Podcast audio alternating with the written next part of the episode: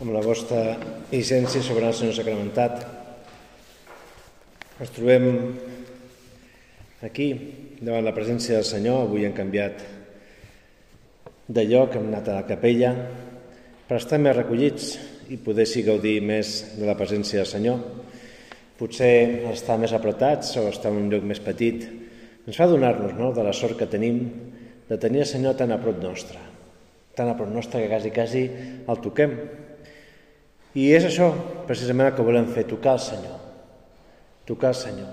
Estem al temps pasqual, estem gaudint d'aquesta resurrecció del Senyor, i el Senyor aquests dies apareix als apòstols, apareix a molta gent per donar fe de tot el que va dir. Tot el que va dir, totes les prediccions, totes les profecies s'han complert. El Senyor ha ressuscitat. I d'aquí rau la fortalesa de la nostra fe. Ell està aquí, ell viu i vol estar amb nosaltres. Vol estar amb nosaltres i vol que nosaltres coneixem el camí que va al cel.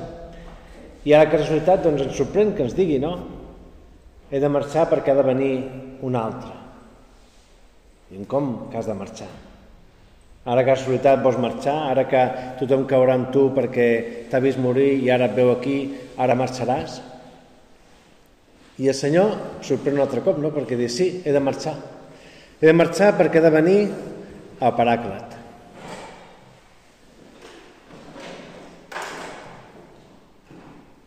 Ha de venir a Praga a qui jo enviaré des del meu Pare. Jesús promet als apòstols la vinguda de l'Espírit Sant, que és el do definitiu, que és el do de dons, i utilitza el Senyor aquesta paraula tan misteriosa, tan particular, que és paràclet. Avui ens disposem en aquesta meditació d'aquest recés del mes de maig a endinsar-nos en el significat d'aquesta paraula, paràclet. Què vol dir essencialment aquesta paraula? Doncs dues coses. Vol dir consolador i advocat. El paràclet és el consolador. El consolador. I penso que tots nosaltres és fàcil atribuir-li aquestes paraules. I més ara, amb tot el que hem viscut i tot el que estem visquent. Estem atrevessant moments molt difícils. Moments on a vegades es veu tot negre, tot fosc. Moments on hi ha guerres aquí i allà, on hi ha crisis econòmiques, on hi ha malalties, on hi ha pandèmies. I la gent busca aquest consol. I podríem dir, on està aquest consol? Doncs l'Esprit, l'Esprit Sant és la font del major consol que hi ha. És la font del major consol que hi ha. I podríem dir, això com, com, com ho sabem, no?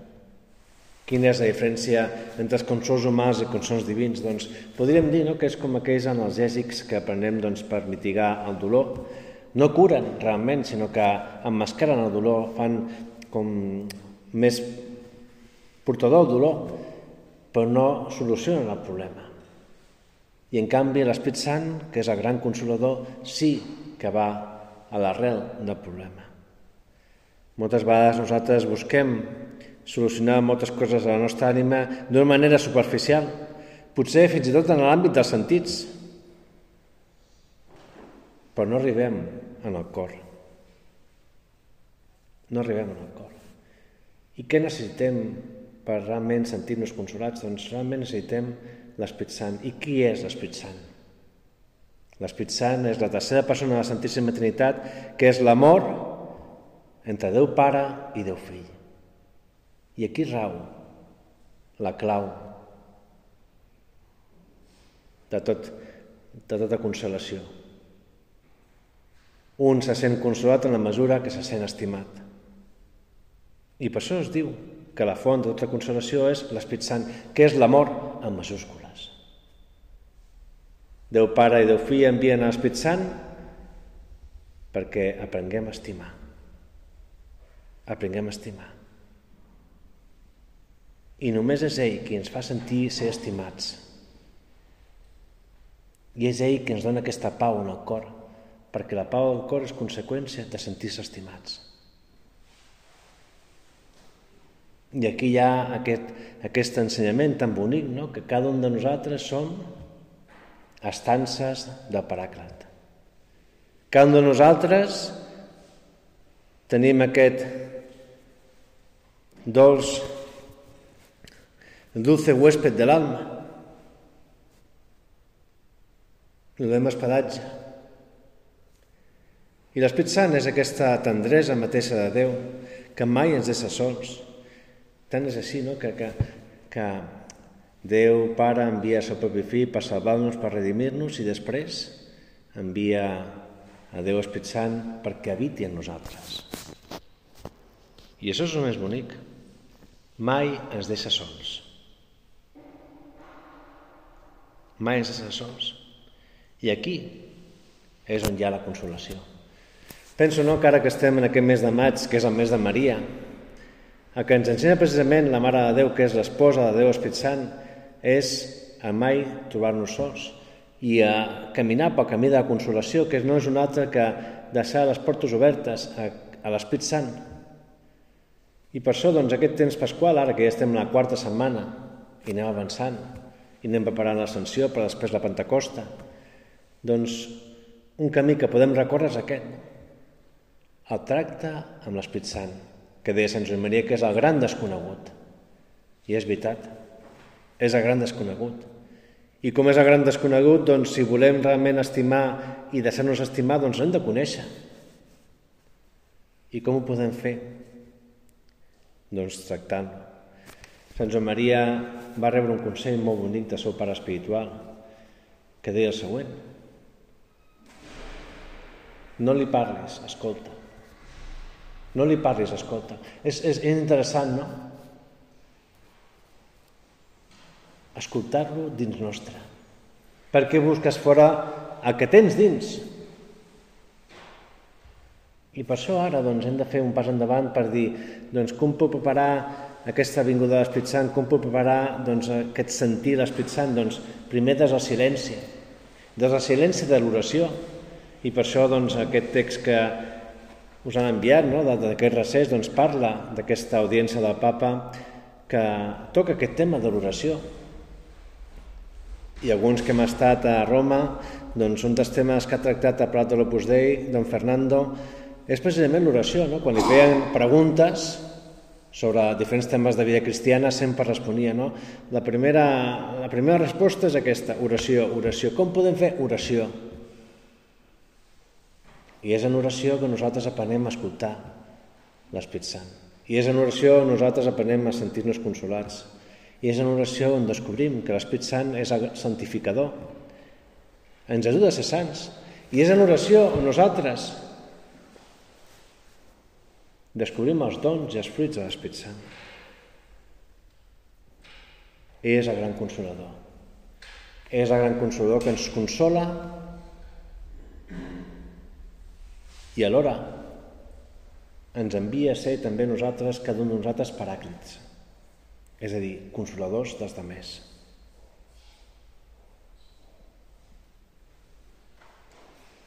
Com podem donar forma per convertir-nos en aquests consoladors?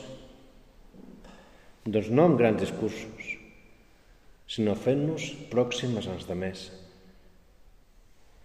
No amb paraules de circumstància, que podien aparèixer no? en els cementiris, en els tanatoris, sinó amb l'oració i l'estar a prop. I recordem no? que l'estar a prop, la compassió, la tendresa són l'estil de Déu. El Paràquit diu a l'Església que avui és el temps de consolació. És el millor anunci de l'Evangeli en aquesta lluita contra el paganisme el paganisme que publicita aquesta soledat, aquest egoisme no? de cada un anar per seu compte.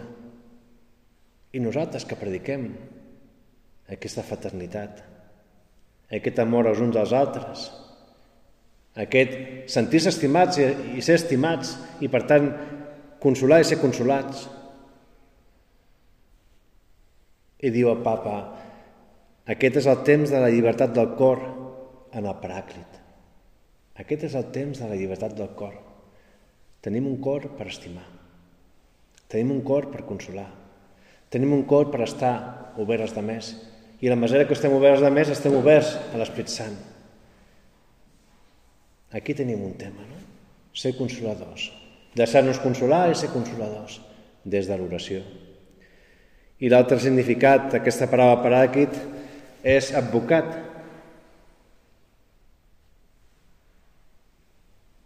És advocat. L'advocat és, en el sentit del paràquit, és l'esperit de la veritat. Ens defensa de les facetats del mal, inspirant-nos la veritat. Ho fa amb delicadesa, sense forçar-nos. Ens il·lumina per veure els camins de Déu, que són els camins de la veritat. I en canvi el dimoni el que fa és buscar la falsetat. El que vol és obligar-nos. El que vol és fer-nos creure que estem sempre obligats, no? És aquella idea que sentim moltes vegades, no? És obligatori o no és obligatori?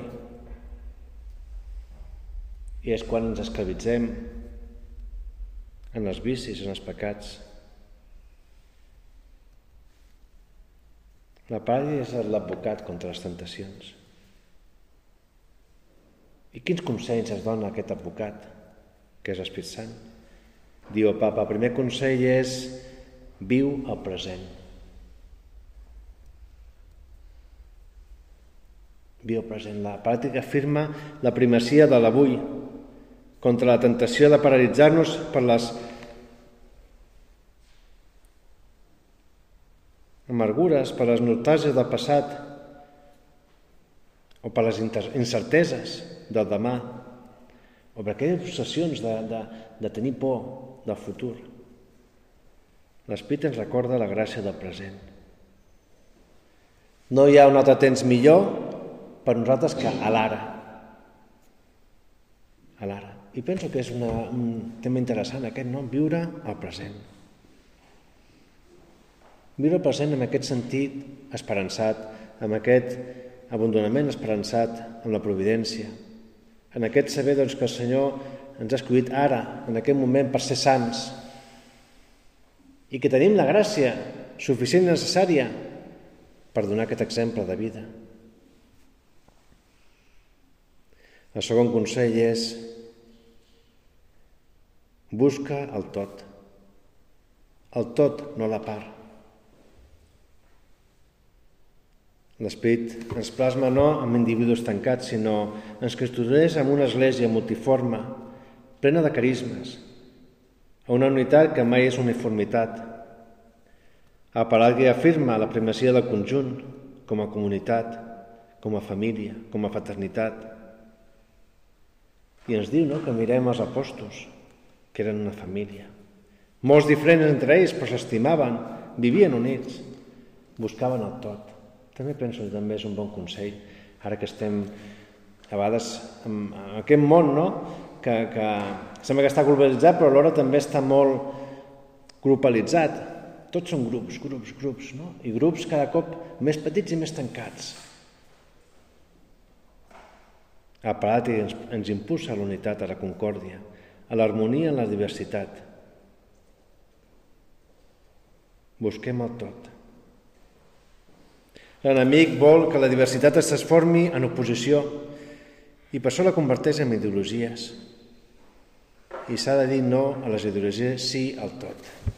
I el tercer consell és posa Déu abans que tu, abans que teu jo, que és el pas definitiu de la vida espiritual que és aquella humilitat que aprenem de la Mare de Déu, que no busca fer la seva voluntat, sinó la voluntat de Déu. I penso no, que són idees molt boniques que ens ajuden a afrontar aquest camí de rebre a paràquia de les nostres vides, el Consolador i l'Advocat. I ho fem perquè podem rebre, volem rebre tots aquells dons, uns dons que són molt importants a la nostra vida, que fan que tinguem doncs, com aquesta disposició permanent per fer el bé. I això són els dons, són disposicions permanents que estan en l'ànima, en gràcia. I podríem dir que va de menys a més. Primer és el do del temor de Déu. Després vindria el do de pietat,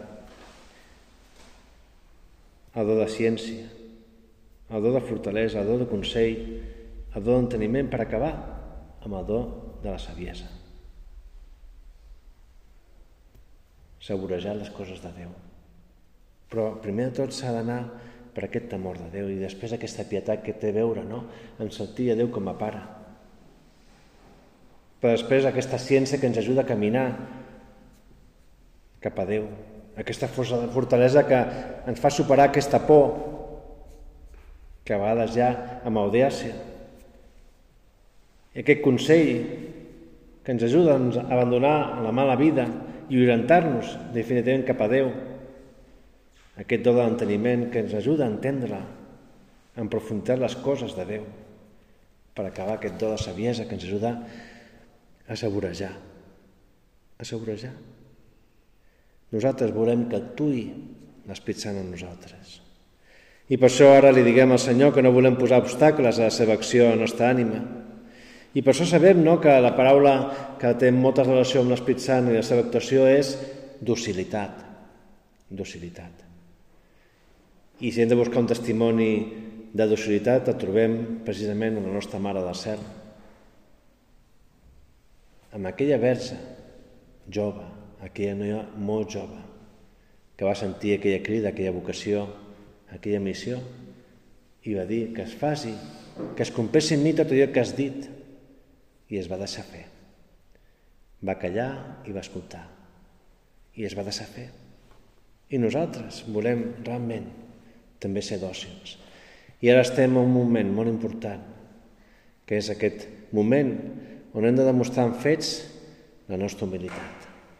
És dòcil aquell que lluita per ser humil i és humil aquell que s'humilla i que deixa el seu jo a un costat per escoltar els altres, per escoltar el que Déu li vol dir, per escoltar les persones que Déu ha posat al seu voltant.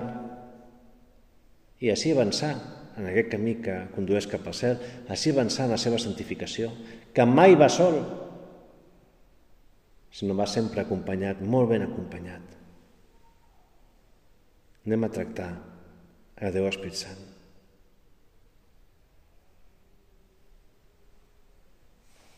Espíritu Santo, amor del Padre y del Hijo, inspírame siempre lo que debo pensar, lo que debo decir, cómo debo decirlo, lo que debo callar, lo que debo escribir, cómo debo actuar, lo que debo hacer para procurar tu gloria, el bien de las almas y mi propia santificación, y ayúdame a seguirlo.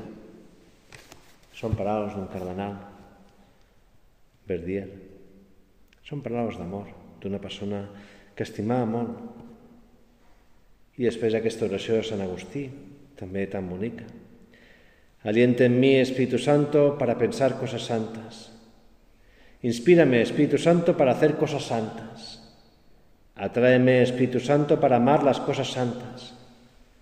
Fortaléceme, Espíritu Santo, para defender las cosas santas. Protégeme, Espíritu Santo, para no verme nunca despojado de las cosas santas. Son palabras ¿no? d'una persona, d'un convers, d'una persona que ha descobert a do de Déu, que ha descobert els dons de l'Esprit Sant i que ha viscut aquest temps de prova. No? Un temps de prova que per tots és difícil, però que nosaltres també volem aprendre. No? I després apareixen aquells fruits de l'Esprit Sant. La caritat, el, el goig, la pau, la paciència, la mansedumbre, la bondat, la benignitat, la longanimitat, la perseverança, el fruit de la fe, la modèstia, la templança, la castedat, són fruits. Fruits que ara mateix també demanem i que fructificaran la mesura que nosaltres busquem aquesta felicitat. La felicitat és conseqüència de la santedat i per tant és conseqüència de l'ànima que n'habita en l'Esprit Sant. quan tu i jo estem més immersos en l'Esprit Sant, en el tracte de l'Esprit Sant, serem més sants, i si som més sants serem més feliços i podrem donar més felicitat. Per això val la pena tractar l'Esprit Sant. Per això val la pena callar i escoltar-lo. Per això val la pena que passi de, de ser gran desconegut per ser el gran conegut. I cada un ha de veure després en la seva oració com es concreta això. Potser a vegades doncs, es pot concretar tan senzillament com adonar-nos les vegades que diguem el nom de l'Esprit Sant. I ho fem quan fem la senyal de la creu. I ho fem quan diem glòria al Pare, al Fill i a l'Esprit Sant. I ho fem a la Santa Missa. I ho fem en tantes oracions.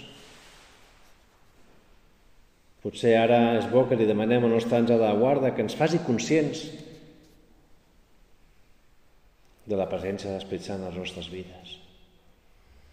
Que realment tinguem aquestes ganes de deixar-nos inspirar per aquestes emocions, que és aquesta veu que tots, tots sentim a la nostra interior, més forta o més fluixa, més intel·ligible o, més o menys intel·ligible, però està allà, l'Esprit Sant sempre parla. I no cal buscar-lo fora, molt lluny, eh? L'Esprit Sant actua en cada un de nosaltres, a les nostres ànimes. I això és de fe. I això és de fe.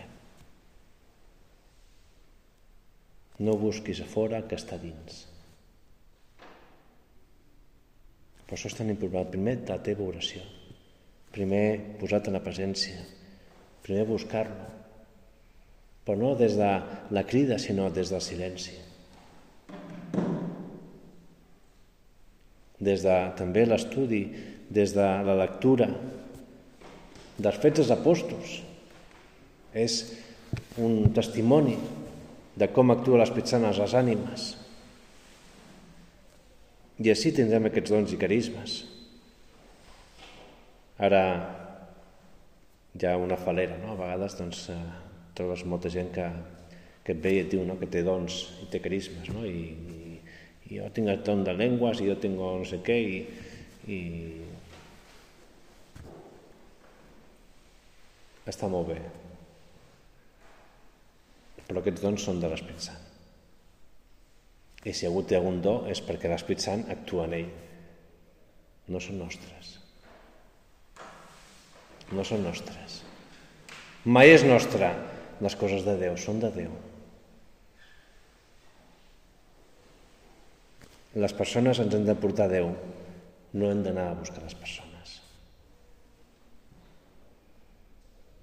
Aquí hem d'anar, a Jesús. Aquí hem d'anar a la Mare de Déu que ens porta Jesús. I Jesús ens porta a l'Esprit Sant. Per això val la pena, no? Endinsar-nos. A saber més coses de l'Esprit Sant. Per això, doncs, la lectura del recés, doncs avui, d'una forma excepcional, doncs, doncs, bueno, hi ha catecisme. Quin llibre més avorrit? Dius, no. El catecisme de l'Església Catòlica és un pou de saviesa.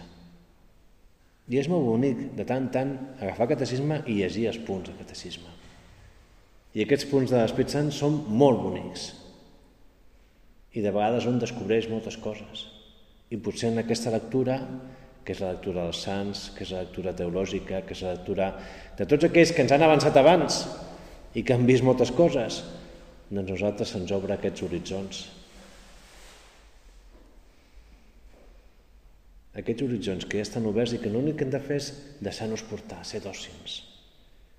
Jo us invito, no? tots potser ara no hi haurà temps per llegir tots aquests punts, no? el catecisme, però potser en aquests dies agafar aquesta part de catecisme i llegir-la i meditar-la i fer oració.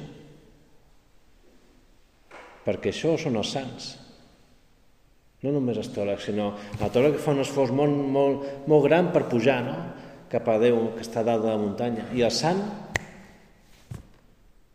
arriba allà. I què fa el catecisme? Doncs recollir tot això. Recollir les veritats de fe i recollir tota la tradició de l'Església.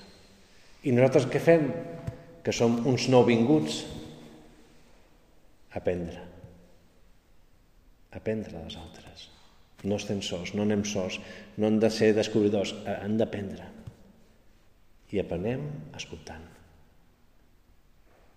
Escoltant amb el silenci. I per després posar-ho en pràctica en la nostra vida. Ens hem de demanar tot això a l'Esprit Sant, que és el santificador. I ho fem sota la intercessió de la Mare de Déu, l'esposa de Déu Esprit Sant, en aquest mes de maig, mes de Maria. La Mare de Déu va portar els apòstols a l'Esprit Sant i l'Esprit Sant es va aparèixer amb aquelles llengües de foc. Doncs cada un de nosaltres ara també té aquestes llengües de foc. És la Mare Déu que ens diu, mira que tens. Mira el gran do que Déu t'ha donat, que és el do de l'Esprit Sant, que és el do de l'amor, que és el do de dons que t'ajudarà a arribar al cel. Doncs ens encomanem a la nostra Mare i demanem per cada un de nosaltres que sirem aquests paràclits, aquests consoladors, aquests advocats, que fan que tots els cristians formem part d'aquesta gran família, la família dels fills de Déu.